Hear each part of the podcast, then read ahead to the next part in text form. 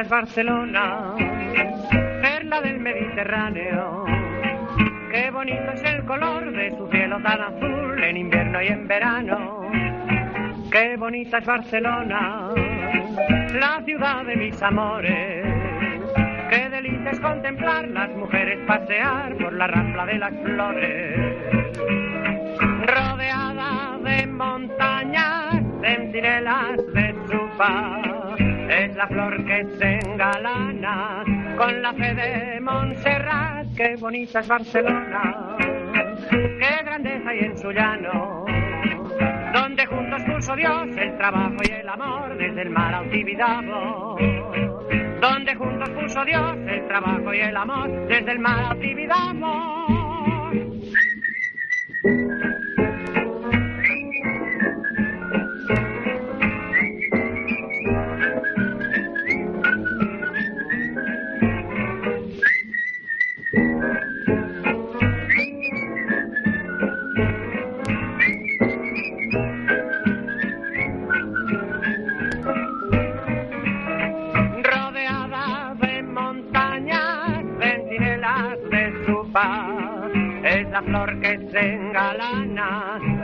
fe de Montserrat. Qué bonita es Barcelona, qué grandeza hay en su donde juntos puso Dios el trabajo y el amor desde el mar Altibidabo.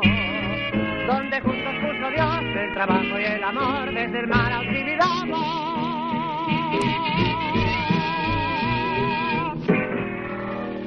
Boas tardes, buena tarde Ose, dende o estudio José Couso de Cuac FM, un novo programa de Ondas do Cárcere. Eh, vamos a dedicar este último programa desta tempada a Barcelona, pero en concreto os centros sociais autosestionados que dende Proxecto Cárcel sempre eh, serán unha referencia para nós. En concreto, imos coñecer da man de Joan Costa eh, a experiencia de cinco anos xa de ese espacio comunitario e veciñal que se chama Can Balló e eh, falaremos posteriormente co activista de o Ateneu Nou Barris, Tony Jodge, sobre esa experiencia que dura xa casi 40 anos, ese proxecto sociocultural de xestión comunitaria que o Ateneo Popular Nou Barris. Escoitamos un poquinho máis de música e eh, a partir de, de esa música empezaremos a falar, como digo, con Joan Costa e con Can Balló. Ayer.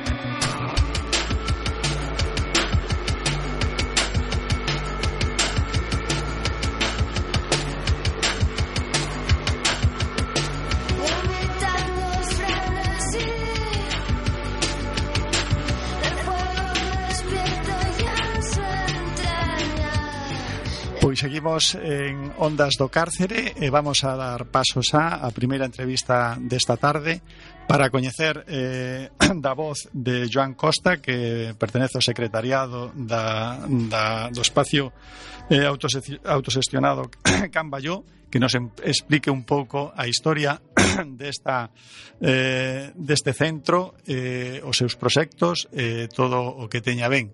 Eh, creo que xa temos o teléfono a, a Joan Costa. Sí, boa tarda. Hola. Boa, boa tarda, Joan.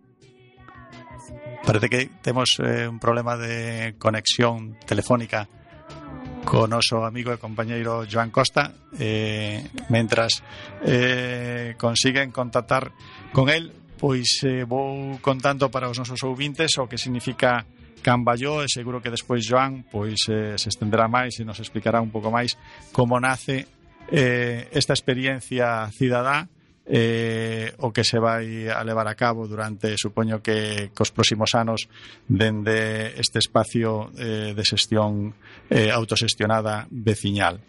Bueno, para que non o sepa, eh, se tratan dunhas fábricas textiles que están cerca da, da Plaza Zardá en, en Barcelona, E son unhas eh, antigas fábricas que pertenecían á familia Juan Balló e eh, que abandonadas xa no século XXI pois a demanda veciñal eh, constituirse en plataformas eh, reivindicativas, en concreto a plataforma Can Bayó Esper el Barri e la Comisión de Vecinos de la Bordeta, eh, xunto co Centro eh, Social de Sanz, eh, reivindicaron e puseron eh, un plazo ao Concello de Barcelona para que se fixera entrega de todo o parte desas instalacións aos veciños.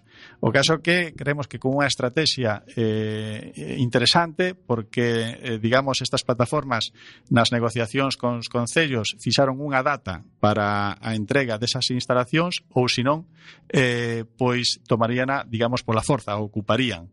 O caso é que nesas negociacións, eh, cando se está estaban acercando a data fixada, que era o 11 de suño de 2011, eh, o Concello vendo que, digamos, esta xente iba en serio nas súas reivindicacións, pois accederon días antes a negociar con estas plataformas para, eh, con, para eh, ceder eh, parte desas instalacións a, a, esta, a estas plataformas eh, veciñais.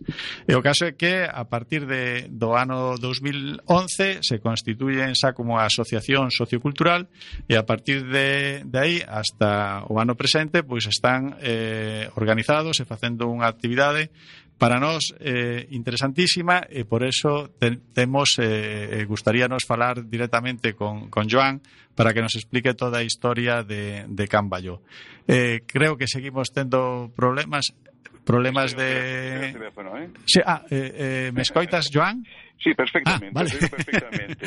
vale, pues estábamos un tanto agobiados porque, digamos, no, no, non sabíamos si, que podía pasar e como podíamos arranxar, digamos, ese, ese problema. Bueno, aproveitei para explicar un pouco, eh, grosso modo, o que foi un pouco a historia de como eh, conseguíchedes eh, acceder a ese bloque número 11 eh, constituiros, non sei se como asociación ou, ou plataforma, eh, como eh, estades a xestionar ese espacio. Pero si queres, eh, que aparte da historia creo que merece que sea contada por un dos protagonistas, si queres facernos un breve resumo de como se conseguiu ese día 11 de suño de 2011 eh, entrar en parte desas instalacións, pois xa te dou paso a ti eh, e adiante. Eh, benvigut. Gracias. Eh, perdona, temos eh, no estudio estou aparte de, de eu, que son Pepe, eh, está Tono e Laura, e seguro que algunha pregunta che van facer, entonces pois pois que o sepas, non? Aquí estoy yo. Moi ben, Joan. Avante. Ah, bien, eh, Cambayo era una reivindicación histórica, hacía cuando entramos en Cambayo y hacía 35 años, que se reclamaba por el vecindario de la Bordeta, tener en cuenta que el espacio de Cambayo son ocho hectáreas. Uh -huh. Es aproximadamente el 25% de todo un barrio. ¿eh? Uh -huh. eh, lo que pasa que esta reivindicación se hacía desde las entidades vecinales con la boca pequeña. ¿Por qué? Porque había mucha gente trabajando. cuando terminó de ser fábrica textil, se convirtió en múltiples talleres. ¿eh? Llegaron a haber de 300, 400 talleres y en algunos momentos llegaron a trabajar más de 3.000 personas. Y sabíamos que si hacíamos una reivindicación fuerte eh, de desalojo de estos espacios, muchas empresas al trasladarse desaparecerían, con lo cual provocaríamos un paro bastante fuerte. El hecho es de que a poco a poco eh, la actividad industrial fue disminuyendo hasta que en una reunión que tuvimos en el 2009 eh, llegamos a, un, a, un, a, una, a una especie de acuerdo un acuerdo que para algunas personas puede ser un buen acuerdo, para otras un mal acuerdo, en el cual se les permitía a la propiedad la construcción de unos pisos de alto standing, tenían 2.000 y me parece que se les dejaron en 900 aproximadamente. A cambio de que se hicieran eh, 600, entre 400 y 600 viviendas de índole social. Y 21 equipamientos y zona verde zona verde prácticamente más del 50% de Cambayo. Eh, este acuerdo uh, más o menos se había llegado, había dicho, he dicho en el 2009, no, no es verdad, es en el 2006. 2006. Pero el tiempo va pasando y en el 2009 mmm, nadie actuaba, ni el ayuntamiento ni la propiedad. Tenemos en cuenta que en el 2008 explotó la burbuja inmobiliaria y lo que sí que es cierto es que las entidades vecinales ya empezamos ya a, hacer hincapié en que necesitamos espacios porque residencia de ancianos, escuelas de infancia, equipamientos, siempre la respuesta por parte de la Administración era la misma. No tenemos solares en el barrio, todos los solares y el espacio está dentro de Cambayo. El hecho es de que exigimos un calendario de obras. Nos dijeron que a finales de 2010 Cambayo estaría abierto ya para el barrio, estarían las excavadoras y las grúas trabajando, cosa que nosotros no nos creímos. Y entonces lanzamos un reto curioso, es diciendo de que en la primavera del 2011, en junio de 2011, si no estaban las grúas trabajando y el barrio estaba abierto para Cambayo, eh, los vecinos entraríamos y ocuparíamos el espacio, Claro, aquí se inicia una campaña eh, de una ocupación, una cosa un poquitín inverosímil, ¿no? De anunciar una ocupación de un espacio fabril con dos años y medio de antelación. Está bien. ¿Eh? Es una cosa un, un, poquitín curiosa, como menos por decirlo así, ¿no? Sí. Pero en estos dos años y medio nos permitió montar una campaña en la plataforma de Cambayó que era el tic-tac por Cambayó, ¿no? El tic-tac simplemente era la campaña del tiempo, el tiempo va pasando, es las, en los péndulos del reloj, ¿no? Y entonces esta campaña uh, se hizo a base de colgar pancartas en los balcones, pintar, hacer pintadas, ir, ir recordando a la administración y al barrio que faltan 600 días para entrar en Cambayó, faltan 500, faltan 400, faltan 100, cuando ya faltaban 100, todos los partidos políticos empezaron a llamar preocupados. Y todos, más o menos, las palabras eran similares, ¿eh? desde la izquierda hasta la derecha catalana, uh -huh. de que eh, teníamos razón. En la reivindicación, no se había actuado en demasiados años. En la bordeta, no teníamos equipamientos, no teníamos espacios y pero que ocupar es una cosa uh, que no está bien. Un poco ¿eh? fuerte para ellos, ¿no? No está bien, ocupar un espacio no está bien. ¿eh? Sí. Eh, recuerdo que una reunión con los de Convergencia con Trías, mm. no recuerdo si era personalmente el Trías o uno de su equipo, nos decían, es que si ocupáis Cambayó vendrán todos los ocupas de Europa. Se pensaban que Cambayó sería como un cristianía en Copenhague. Ajá. El hecho es de que si dos años y medio lanzamos este reto y las entidades vecinales éramos pues relativamente poca gente activa, ah, estamos hablando de 30 personas, en la semana del 11 de junio de 2011 éramos más de 200 personas organizadas, y por organizadas quiero decir que cada una tenía su trabajo a hacer. Sí. Y gente que estaba en negociación, gente que se cargaba de difusión, gente de prensa, eh, gente que estaba montando actividades y una gente que eh, pensaba precisamente por ocupar. pero una semana antes, no, no llega una semana, eh, cinco días antes, recibimos en el Centro Social de Sanz, que es una entidad del barrio de Sanz, que más o menos es la que inició el movimiento este, de un gabinete de abogados en el cual nos ofrecían pues una reunión. Les dijimos que gustosamente les atenderíamos y se presentaron al día siguiente, se empezó a hablar de una cesión de la propiedad al ayuntamiento y del ayuntamiento a nosotros.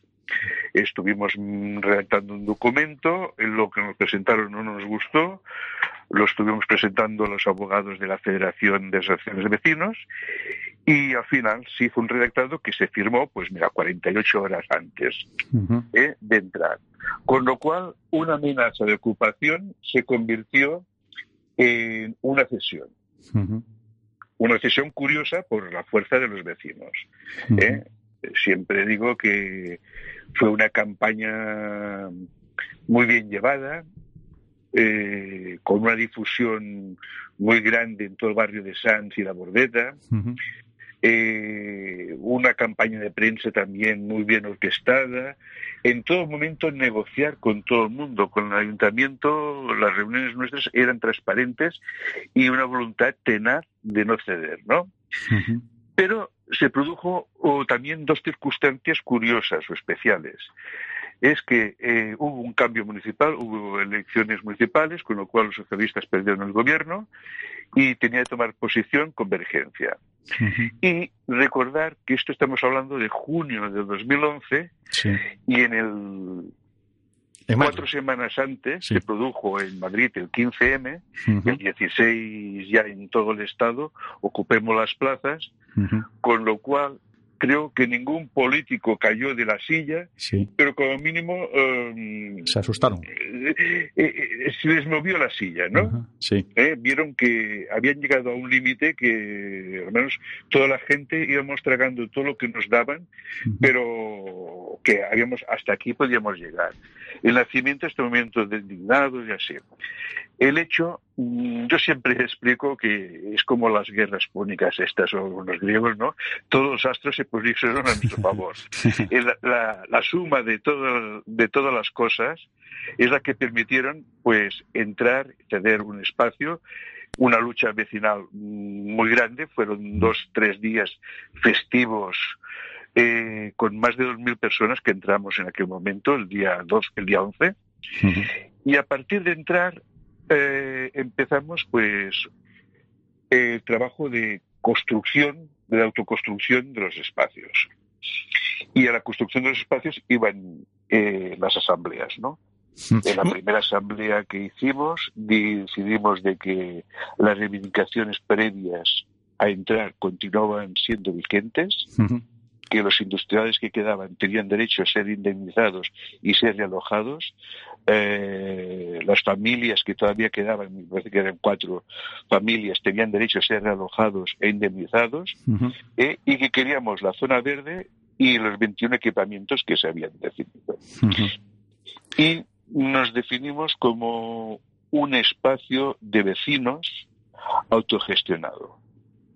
Un espacio de vecinos Sí, y por autogestión, pues una cosa muy simple, que es que nosotros, de forma autónoma, eh, somos los que decidimos qué hacemos, cómo lo hacemos y cuándo lo hacemos. Que el edificio es propiedad del ayuntamiento y con lo cual es un edificio público. Sí. ¿Eh?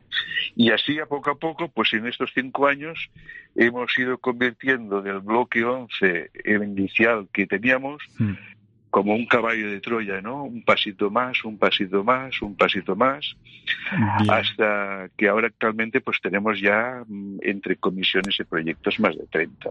Eh, eh, Joan, de eh, todo tipo. un poquinho máis atrás, es decir, antes de, de ese 11 de, de suño, de, de ese 11 de Mm. junio, eh, esas Sí. 30 personas que me que, que nos estás dicindo que, que erades poucos, pero organizados, é dicir, todo ese traballo previo a ese 11 de junio, co, como, como se montou, ¿no? Porque supoño que para movilizar despois a toda esa a todo ese barrio, solo a través da prensa, de, de, de reunións ou como se conseguiu? A ver, eh, hay que decir que el barrio de Sanz Sí. ha sido siempre un barrio desde antes de la transición ya un barrio combativo, ¿no? Ajá. En la estación de Sanz se ha conseguido el Parque de la España Industrial por lucha de vecinos. Me acuerdo que habían asambleas en los domingos por la mañana en los cines en el que habían más de mil personas discutiendo qué hacer, ¿no? Sí, sí. Y así, pues, la Plaza de Sanz, Cocheras, el Vapor Bay, que actualmente Vale. Tenía que ser un super, un gran, una gran superficie y actualmente es una biblioteca y una escuela. Bien. Y eh, y- y- el Centro y- Social de Sanz tenía una tradición, ya tiene una tradición de muchos años de de lucha. lucha y tal. Y, Y y- así, y y había es un- una asociación de vecinos con una capacidad de movilización bastante fuerte. Vale, y que había ya... que el en Sanz es fuerte. A la que haces una llamada, enseguida la Responde. gente eh, te acude, más o menos. Vale. Y, y había ese esquema ya un pouco eh, hecho de lo que se quería eh, facer ali ou digamos eh, o primeiro era tomar ese espacio e a partir de aí o que nos estás dicindo eh, vamos a autosestionalo eh, e a ver o que sale é decir, eh, o hai un plan de traballo para decir, bueno, nos constituiremos en asamblea asamblea aberta ou No, como no, todo no ese había- traballo no previo plan, ou posterior, eh, non? no había un plan preestablecido, ¿eh? Sí que había una voluntad de entrar, de ocupar unos espacios, Mm. empezar a dinamizar los espacios e ir con simplemente con la- lo único que había predeterminado es que si el ayuntamiento no lo hace, si la Sí. administración no hace las cosas, nosotros la haremos. Vale. E, Eh? des, e despois os veciños como os organizades? Eh, constituídes unha asamblea, vos sentades todos alrededor dunha mesa e, e aí Sí, que se sí, fai sí, unha, unha unha comisión que- executiva ou como como se No, funciona? no, es un- simplemente una asamblea. La asamblea es un órgano decisorio y todos somos iguales. E a asamblea que son Eh, 200 personas falando con turnos de No, palabra, eh, un moderador? eh, las asambleas actualmente, actualmente en Cambayó Sí. estamos actuando unas 340 personas. Oh, En las asambleas normales que hacemos mensualmente, eh, la participación acostumbra a ser de un 20%. un ¿Eh? 20%. Ujú, Un 20%. No hay una estructura jerárquica, todos somos iguales. no hay no hay una persona que eh, estaba explicando Cambayo a un profesor de sociología americano de Sí. Chicago y me decía, pero al final de explicarle lo que era la asamblea y todo, y el hombre insistía, ver, muy bien, la asamblea lo que sea, pero who is the leader? ¿no? No, a ver, el liderazgo pues es múltiple de muchos, de muchos y de muchas. Sí. Eh, eh, eh, Joan? Sí, sí, Ah, sí, perdón. perfectamente, sí. Pero, pero eh, asimismo hai unha estrutura interna, polo que vemos no, no, no blog voso, eh, potente, ¿no? É dicir, hai unha secretaría, Sí. difusión, estrategia, negociación, Tenemos- economía, diseño, e todo eso Mira, eh, unha 40 coordinadora 40 proyectos y, y- 40 y el líder que dice... ¿Perdón? que tenemos en, eh, 30, en 30 comisiones y proyectos y en espera pues un montón más que a poco a Ujú. poco pues irán irán entrando e, e, e despois a relación co Concello, é dicir, eh, tema de, de planes ou de programas, eh, presupuestos e orzamentos e subvenciones, eso como, como está regulado? Bueno, nosotros empezamos a construir Cambayo y a la medida que íbamos construyendo físicamente el espacio, por construir lo que es, es limpiar, limpiar y limpiar y limpiar. Quiere decir que son naves abandonadas de 8 o 10 años y era una cantidad de humedad. Pero a medida que íbamos construyendo el espacio, haciendo instalación eléctrica, pintando, así, íbamos construyendo nuestro, nuestra forma de gestión, ¿no? Y en nuestra forma de gestión, eh, pues tenemos una comisión de negociación. Ujú. ¿Eh? que son gente pues ya veterana, que algunos pertenecen al centro social, que están acostumbrados a hablar mucho con el ayuntamiento por las Sí. leyes de barrios Sí. y cosas así. Y la relación en todo momento pues siempre ha sido fluida. ¿eh? Bien. fluida en, el sentido de, bueno, tenemos este espacio, sabemos que eh, por ellos no nos van a sacar de aquí y durante mucho tiempo con agua, mm, y si nos han de sacar será con agua caliente, ¿eh? pero el hecho es de que en todo momento el, hablar con la administración siempre se ha hablado. Con unas más o menos, algunas posturas, ha habido pues unas respuestas más rápidas y otras menos rápidas. Lo que sí que eh, la administración se ha quedado un poquitín, como decir, sorprendida, de la capacidad de dejar a la gente, a los vecinos, que de forma autónoma decidan las cosas y lo hagan, eh, la cantidad de cosas que se puede hacer. Yo siempre digo que un euro que invierte el ayuntamiento en Cambayo automáticamente se multiplica por 15. Bien. ¿Eh? Porque a este euro nosotros le ponemos mucha fuerza de trabajo. Vale. ¿Eh? Y, y, a respuesta vecinal, por lo que eso o por lo que, por lo que estamos escoitando, eh, importante, eh, se implica moito, ¿no? Que digamos que o problema a veces de estas cousas é que, bueno, se va aislando o que esa asamblea eh, que a veces non hai esa fluidez de, de novas incorporacións, que esa vía nova e todo eso, por lo que me está dicindo parece que, que eso está muy vivo, ¿no? Es decir, estos cinco años o balance súper positivo. Sí, sí, sí, sí, O sea, hemos ido en un creciendo. Uh, actualmente estamos ya elaborando la memoria del 2015 uh -huh. y para que os hagáis el 2015 respecto al 2014 eh, los datos objetivos sí. que tenemos son del 2014 y el 2015 se ha aumentado. Es que éramos 350 personas sin contar una cooperativa de, de, de viviendas sí. en cesión de uso. Uh -huh que ahora empezarán a construir, han conseguido ya la cesión del solar uh -huh. y se empezará a hacer un bloque de cinco plantas y curiosamente lo han diseñado totalmente en madera. ¿Eh? Eh, 350 personas eh, que hemos invertido más de 28.000 horas en Cambayo. Quiere decir que nosotros la economía de cada comisión y cada proyecto la contamos siempre en euros uh -huh. y en horas de trabajo. Uh -huh. Y en horas de trabajo descontamos las reuniones de asamblea, reuniones internas de la comisión uh -huh. o de reuniones de coordinación, que es donde semanalmente ponemos las cosas encima de la mesa para ver el orden del día, ¿no? Para llevar a la asamblea. ¿Y, ¿Y, todos voluntarios o hay profesionales? Digo para. Actualmente, actualmente eh, en Campayo todo, todo el mundo eh, somos voluntarios. Uh -huh. Lo que sí que pasa que al ir creciendo tanto, sí. ten en cuenta que tenemos pues carpintería, tenemos un taller de infraestructuras, eh, tenemos producción de nuestra propia cerveza, eh, tenemos un centro de documentación, tenemos espacios de crianza, eh, espacio de circo. Mmm, hasta 30. ¿eh? eh, ¿Y para qué te lo decía esto ahora? Ahora he perdido el hilo. Eh, de, de, los voluntarios y los profesionales, que se va creciendo sí, y que supongo Lo que, que pasa es que al ir creciendo así, sí. pues los al, la construcción física del espacio ha ido acompañada de una construcción de gestión y ideológica. Sí. ¿eh? Porque lo que hacíamos pues tenía un trasfondo, digámosle, político, ¿no? Sí, sí, o menos político-social, así. Sí.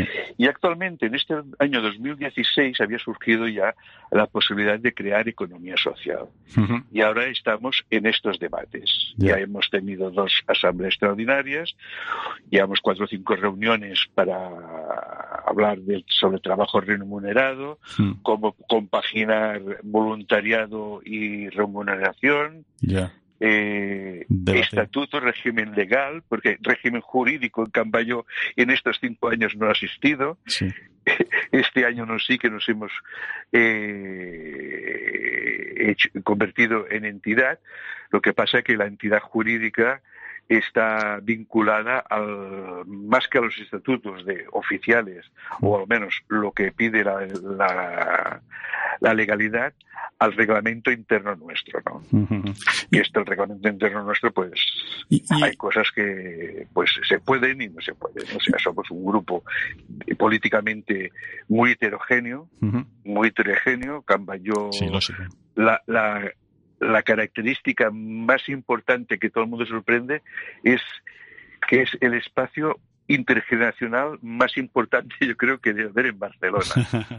Está bien. Hay gente de 18, 20, 30, 50, hasta 80 años. ¿eh? Y, y ahora queréis montar una escuela, ¿no? ¿Eh? La Arcadia, queréis montar una Un- escuela. Tenemos un proyecto, un proyecto eh, que es la Escuela Arcadia, una escuela autogestionada. Y el proyecto más o menos está aceptado por la Asamblea de Cambayó, está eh, aceptado por la Comisión de Seguimiento del Ayuntamiento y está pues en trámites con la Generalitat porque aquí se produce una circunstancia pues toda curiosa, ¿no?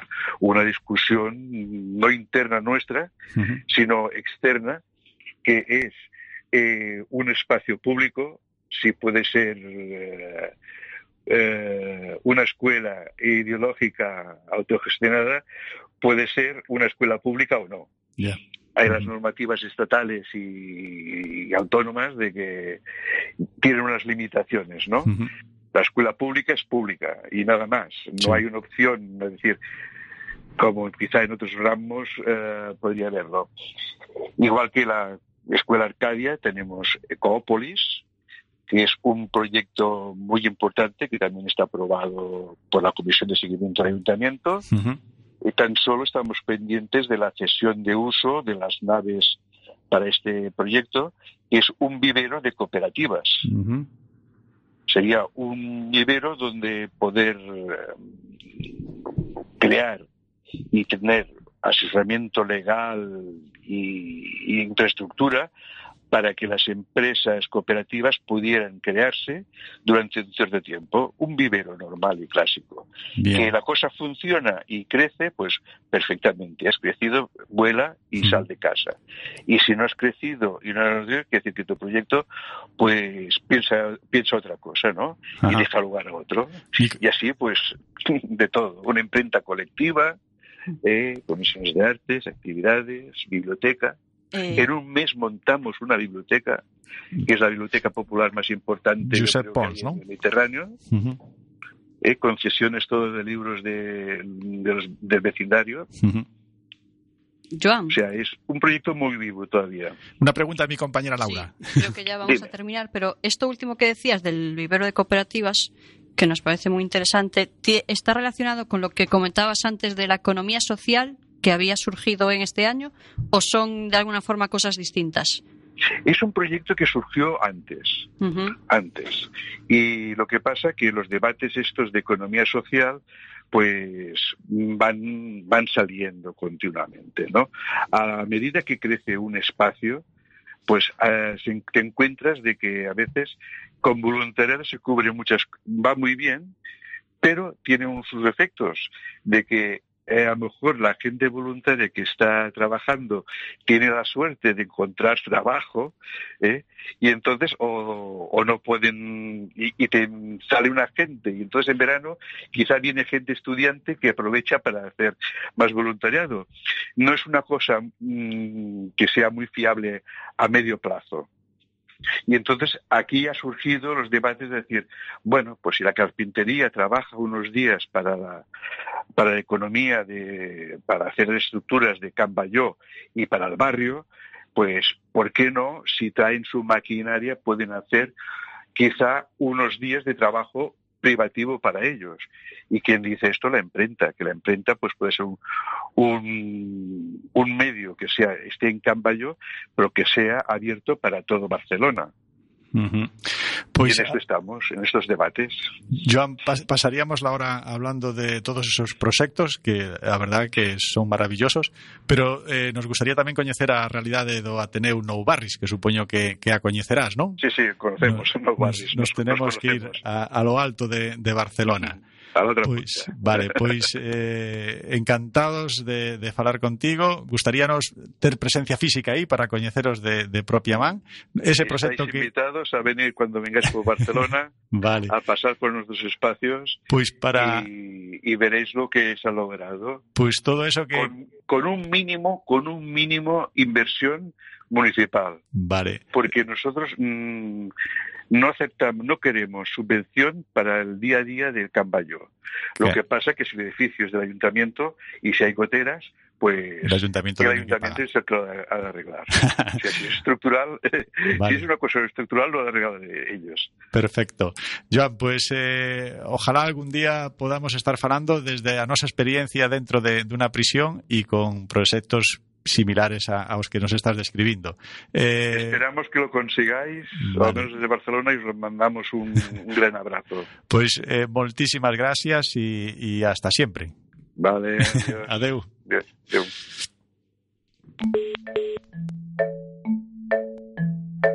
S'havia estat cultivant per Grècia i havia pres que és tan important viatjar. I jo escoltava i deia Sí, sí, clar, clar. Son pare acumulava grans riqueses. Vaig dir, caram, en aquest cas anul·li, si us plau, la cervesa i posi'ns el vicar. Li va semblar genial. Va fer un glopet, em va mirar i va dir Vull viure com viuen els altres. Vull fer les coses que fa la gent normal. Vull dormir qui dormen els altres.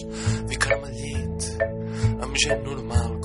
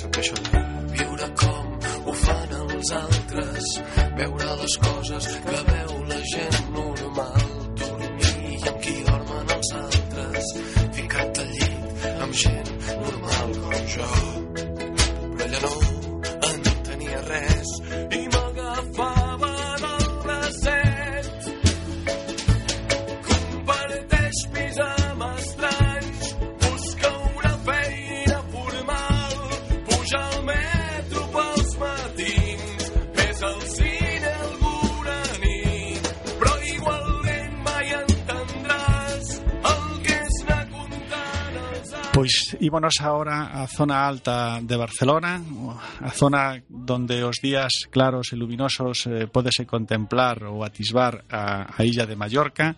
Eh, vamos a, a falar un pouco da historia xa que se remonta ao ano 1977 cando 200, unhas 200 personas deses nou barris que ora supoñemos que son máis de, de nove eh, ocuparon a planta asfáltica eh, dese, deses barrios e colocaron o primeiro letreo letrero do Ateneo Popular. A partir de aí nace unha experiencia que, como digo, de 40 anos de eh, actividade cultural, eh, de solidaridade eh, interseccional eh, entre distintas culturas que conseguiron facer eh, un Ateneo que sea que é un referente para nós, para o proxecto Cárcere, e que queremos profundizar nel da man de Tony Giorge como activista de, de Ateneu Nou Barris. Pensamos que xa o temos eh, no teléfono. Eh, bona tarda. Hola, bona tarda. A Que todos. tal? Toni, benvigut a Ondas do Cárcere, un programa de Proxecto Cárcere. Perdona porque nos retrasamos falando de Camballó. Eh, Lo vi, sí. ah, vale. Eh, a viendo un rato. que estaríamos falando toda hora, pero seguro Claro. que contigo tamén estaríamos dúas horas. Entendes máis ou menos o galego, non? Sí, más o menos, sí, Perfecto, sí. Tony, Tenemos, hemos tenido buenas relaciones con Galicia en varias, varias ocasiones, Vale. con buenos eventos, dos foliadas concretamente, Ah. muy importantes, y con gente de Coruña. caray, pues eso hay que avisarlo porque porque estaríamos no también presentes bueno, en, en, en esas... unos eh, ocho años. Ocho años. Fueron muy potentes, ¿eh? Vale. Eh, vamos a meternos en materia porque digo que tenemos poquísimo tiempo. Eh, la verdad que, que nos apasiona eh, leyendo un pouco que o Ateneo eh, realmente que para sacarse o sombreiro. Eu leera eh, un artigo que supoño que o coñeceredes que é de Manolo Rivas, que aparte tamén, bueno, colabora sí. con nós, non? Sí, do ano sí, dos... Conozco, vale. pues, no 2007 facía un o describía un panorama, eh, vamos a decir, idílico, non? Supoño que o mellor a realidade non é tanto como se como se describo claro. como as impresións que un saca despois de ler ese artigo ou o mellor se queda corto, non o sabemos. Entonces, se nos podes facer para a xente que nos escoita o que é o Ateneu nou barrios, que xa non sei se son nove barrios ou son máis os que ahora, os que ahora son 10 barrios. Eh, Perfecto. Sí, 11 me parece. Eh. Pois si nos queres es el origen Pois si nos explicas brevemente e xa despois nos nos metemos en materia uh -huh. eh, eh, hasta donde podamos estirar o programa. Uh -huh. pues, pues en principio lo, lo, que dice Manuel Rivas, eh, claro, evidentemente visto desde su desde su visión eh, literaria, y poética sí. muy muy interesante, es una es, estamos situados en una zona periférica de la ciudad, lo era mucho más en los años 70, imaginaros, eh, y es en ese momento donde hay una ocupación de un espacio que está contaminando, etcétera. Hay que situarse en los años 77, donde hay, el movimiento vecinal en Ovaris es muy fuerte mm. y desde aquel momento se inicia una reivindicación de un espacio cultural que desde el principio lo queremos público y queremos que, que la administración pública eh, juegue con él, pero con una condición que siempre hemos estado atentos a que eh, lo gestionáramos nosotros directamente, o sea, nosotros quiero decir la comunidad directamente. ¿no? Uh -huh. eh, esto es un poco, o sea, el origen es, está dentro de las luchas vecinales de los años 70-80, como en cualquier ciudad de, de nuestro país, pero muy situado, muy arropado este proyecto por toda la comunidad y, y, eso yo creo que es lo que es lo que le ha hecho mantenerse tantos años vivo. E, e Joan nos a, no, falábanos antes de que, bueno, unha confluencia de astros consiguen que, que eses proxectos, digamos, cuajen, ¿no? En, en, no Ateneo Nou Barris tamén pasou algo así, é dicir, eh, se conseguiu mellor un grupo, como dice Manolo Ribes, irreductible, que rechazaron esos cantos de meterse na política e mantiveronse fieles a, a ese proxecto e a partir de aí, digamos, eh, eh, fundamentouse, enraizouse este proxecto ou, ou digamos, estaba predestinado a, a triunfar porque, bueno, eh, o barrio necesitaba e, e digamos que pouco a pouco se foi asentando. Sí, eu creo que o barrio necesitaba e lo, y lo defendió con uñas y dientes, ¿no? Con lo cual, eh, el grupo que sí que existe, un colectivo, digamos, de irreductibles, yo diría así, que un poco son los que quedan, los que quedan de los que, de todos los movimientos sociales de la época que no se dedican a la política y a la gestión de lo, de lo político, de la administración pública, ¿no?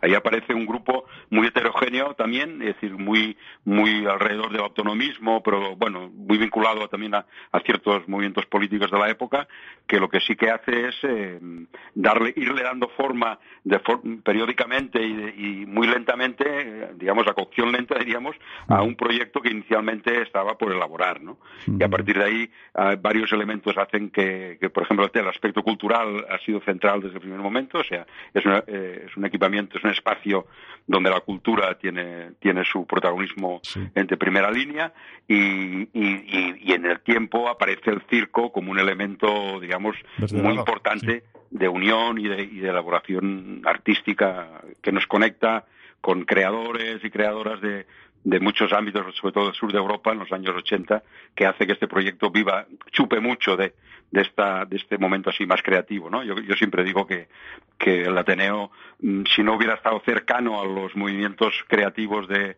de las, de la, de, del, del, circo, de las, de las artes escénicas, pues posiblemente seríamos otra cosa. ¿no? Vale. E, e, e o que é a relación co, co Concello que, que antes comentaches, é decir, mm. eh, lóxicamente non queríades que se vos convertira en un centro cívico, no, digamos, no, eso, era, coincidimos, nosotros coincidimos un, primero pasamos unos 10 años ocupando el espacio, eh, eh, teniendo en cuenta que en este momento es cuando se está organizando el ayuntamiento de todos de, de todos sitios, sí, donde la, la, democracia sí, aparece de forma muy muy incipiente uh -huh. y con lo cual nosotros tenemos cierta ventaja porque nadie nos de alguna manera nos viene a buscar porque tiene mucho trabajo en, en estructurar otras cosas, ¿no? Eso nos permite mm, bastante asentarnos. El factor discutir. suerte siempre está ahí, ¿no? ¿Eh? Es decir, que el factor suerte, ¿no? De decir, el factor bueno, suerte, eh, sí, yo creo que siempre está ahí.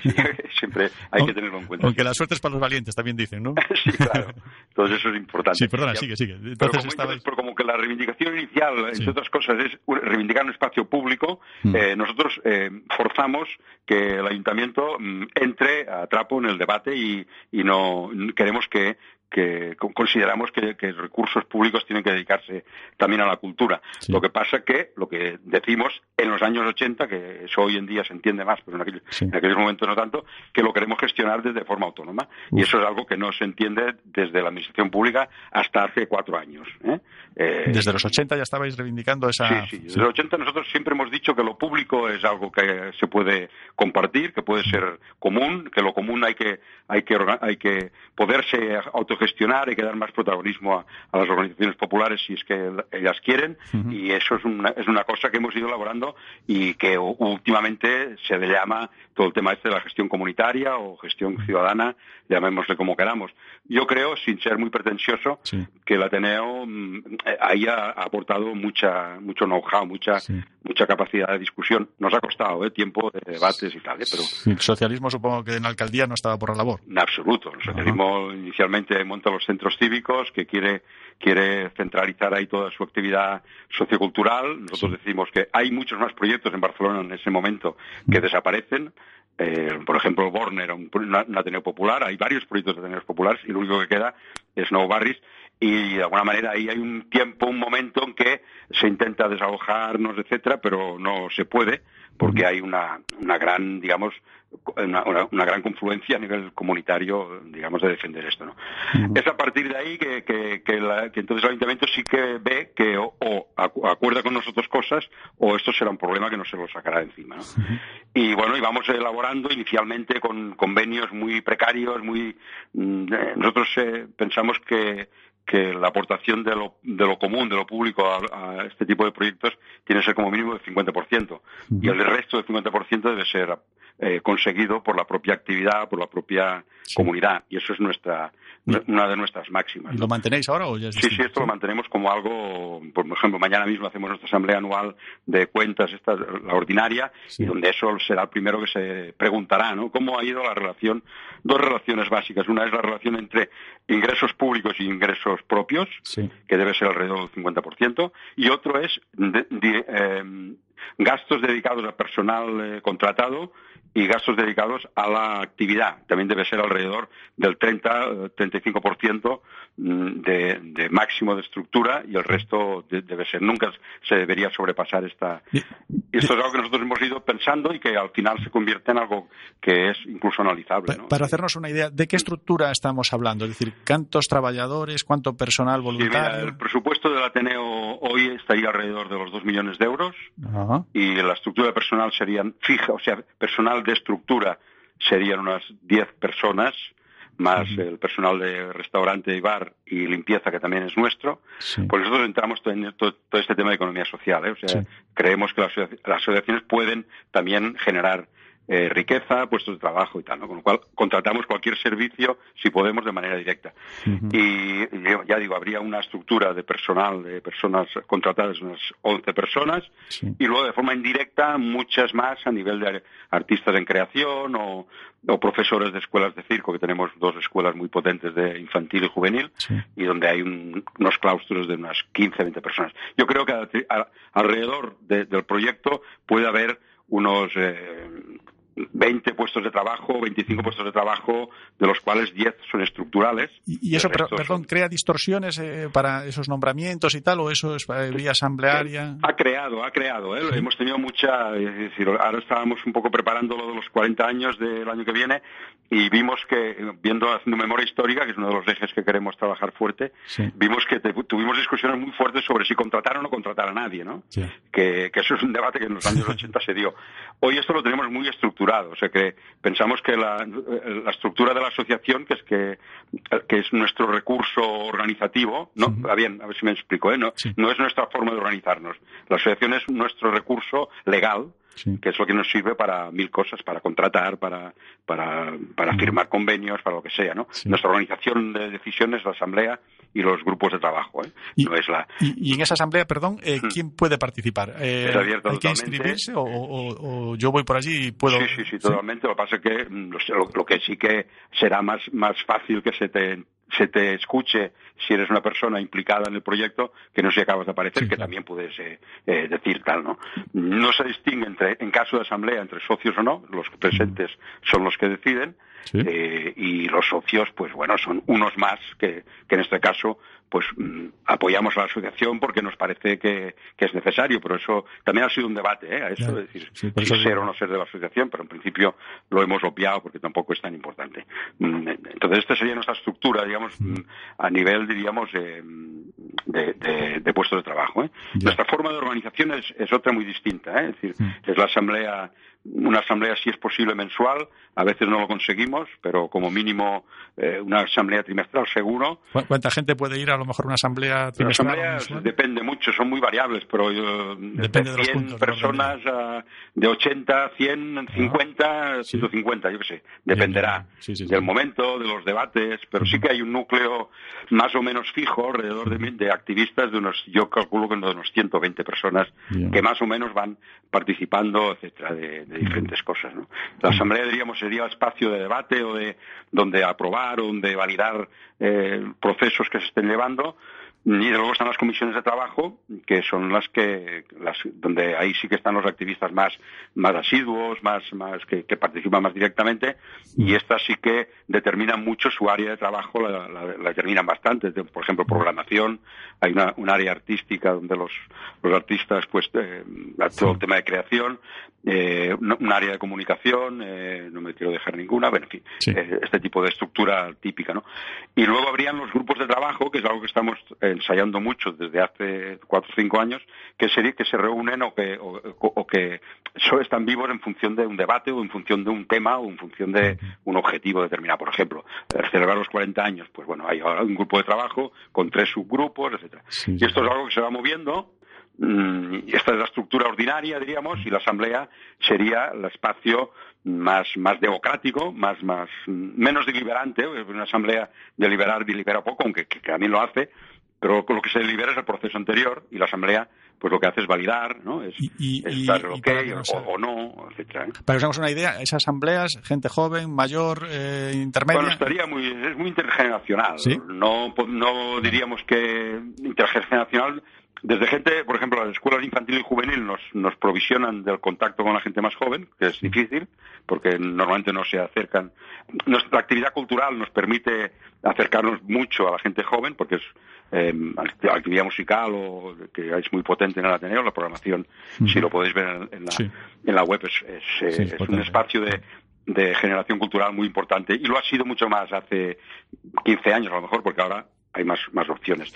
A esto nos acerca mucho la gente más joven y habría una- un sector más intermedio y lo que sí que, que, que andamos cortos, pero tampoco es un problema, es de gente mayor, diríamos. No hay, eh, no hay, hay estructuras. Hombre, hay gente, yo por ejemplo tengo, tengo 65 años, ¿no? Y soy. Me parece un chaval. por la voz. Por eso. Pero me refiero de que sí. Pero no hay. Es un espacio es intergeneracional, voluntaria, eh, como voluntad es esa. Y, y hay implicación la- vecinal, es decir, no, no, es decir, la- a veces pensamos aquí que la gente no se involucra, sí que se involucra, Sí, ¿no? Decir, sí, sí, yo creo que sí. Vale, Eh, vale, es cuestión de que el proyecto que se tira adelante, aparte del espacio, Es interesante. eh, sea, sea atractivo y tal. Y yo creo que la, la unión entre actividad cultural y social es mágica. O sea, Perfecto. genera, mm, genera muchas, muchas alianzas que, que, ¿no? que a lo mejor si solo hablas de lo social o solo de lo cultural, pues es más difícil, ¿no? Mm, Eso sí que lo hemos tenido muy claro siempre. Nosotros decimos que hay que, ah, decimos, ac- ac- accionar, o sea, activarse, luchar y divertirse. Es decir, Ah, las tres Un lema fórmulas fantástico. Tony, sabía que me iba a pasar eso. Es decir, Ya. que se iba a echar el tiempo encima y esta hora no iba a llegar a nada. Eh, espero, espero repetirlo y no sé si algún día que vengades por aquí por Coruña, pues eh, bueno, nos Sí, podemos hacer un mira, estamos encuentro. pensando en, en reeditar la foliada para los 40 años, a ver si la, Ostras, la hacemos. pues, pues, pues Que eh, fue, tenemos fue que muy importante, ¿eh? Trajimos a todos los grupos eh, de, de música del momento eh, de Galicia. Bueno, pues eh, seguimos en contacto. Temos que cortar. Eh, moitísimas, moltísimas gracias. Que sigades outros 40 anos máis. E seguro que, que vos seguimos e seguro que nos encontramos. Venga, en otra ocasión os lo cuento con más detalle. Venga. gracias. Salud. A, a, adeu. Luego, adeu. Bueno, pois tenemos, temos a que ir acabando porque se nos botou o tempo encima. Eh, Me parece que, non sei se os meus compañeros queren decir algo. Eh, Foi un pouco apresurado ao final, sabía que ia pasar isto Pero creo que, que era inabordable en unha hora falar con dous eh, centros tan tan ambiciosos como como o Ateneu e eh, Camballó Pois isto xa é o final da temporada, temos que irnos.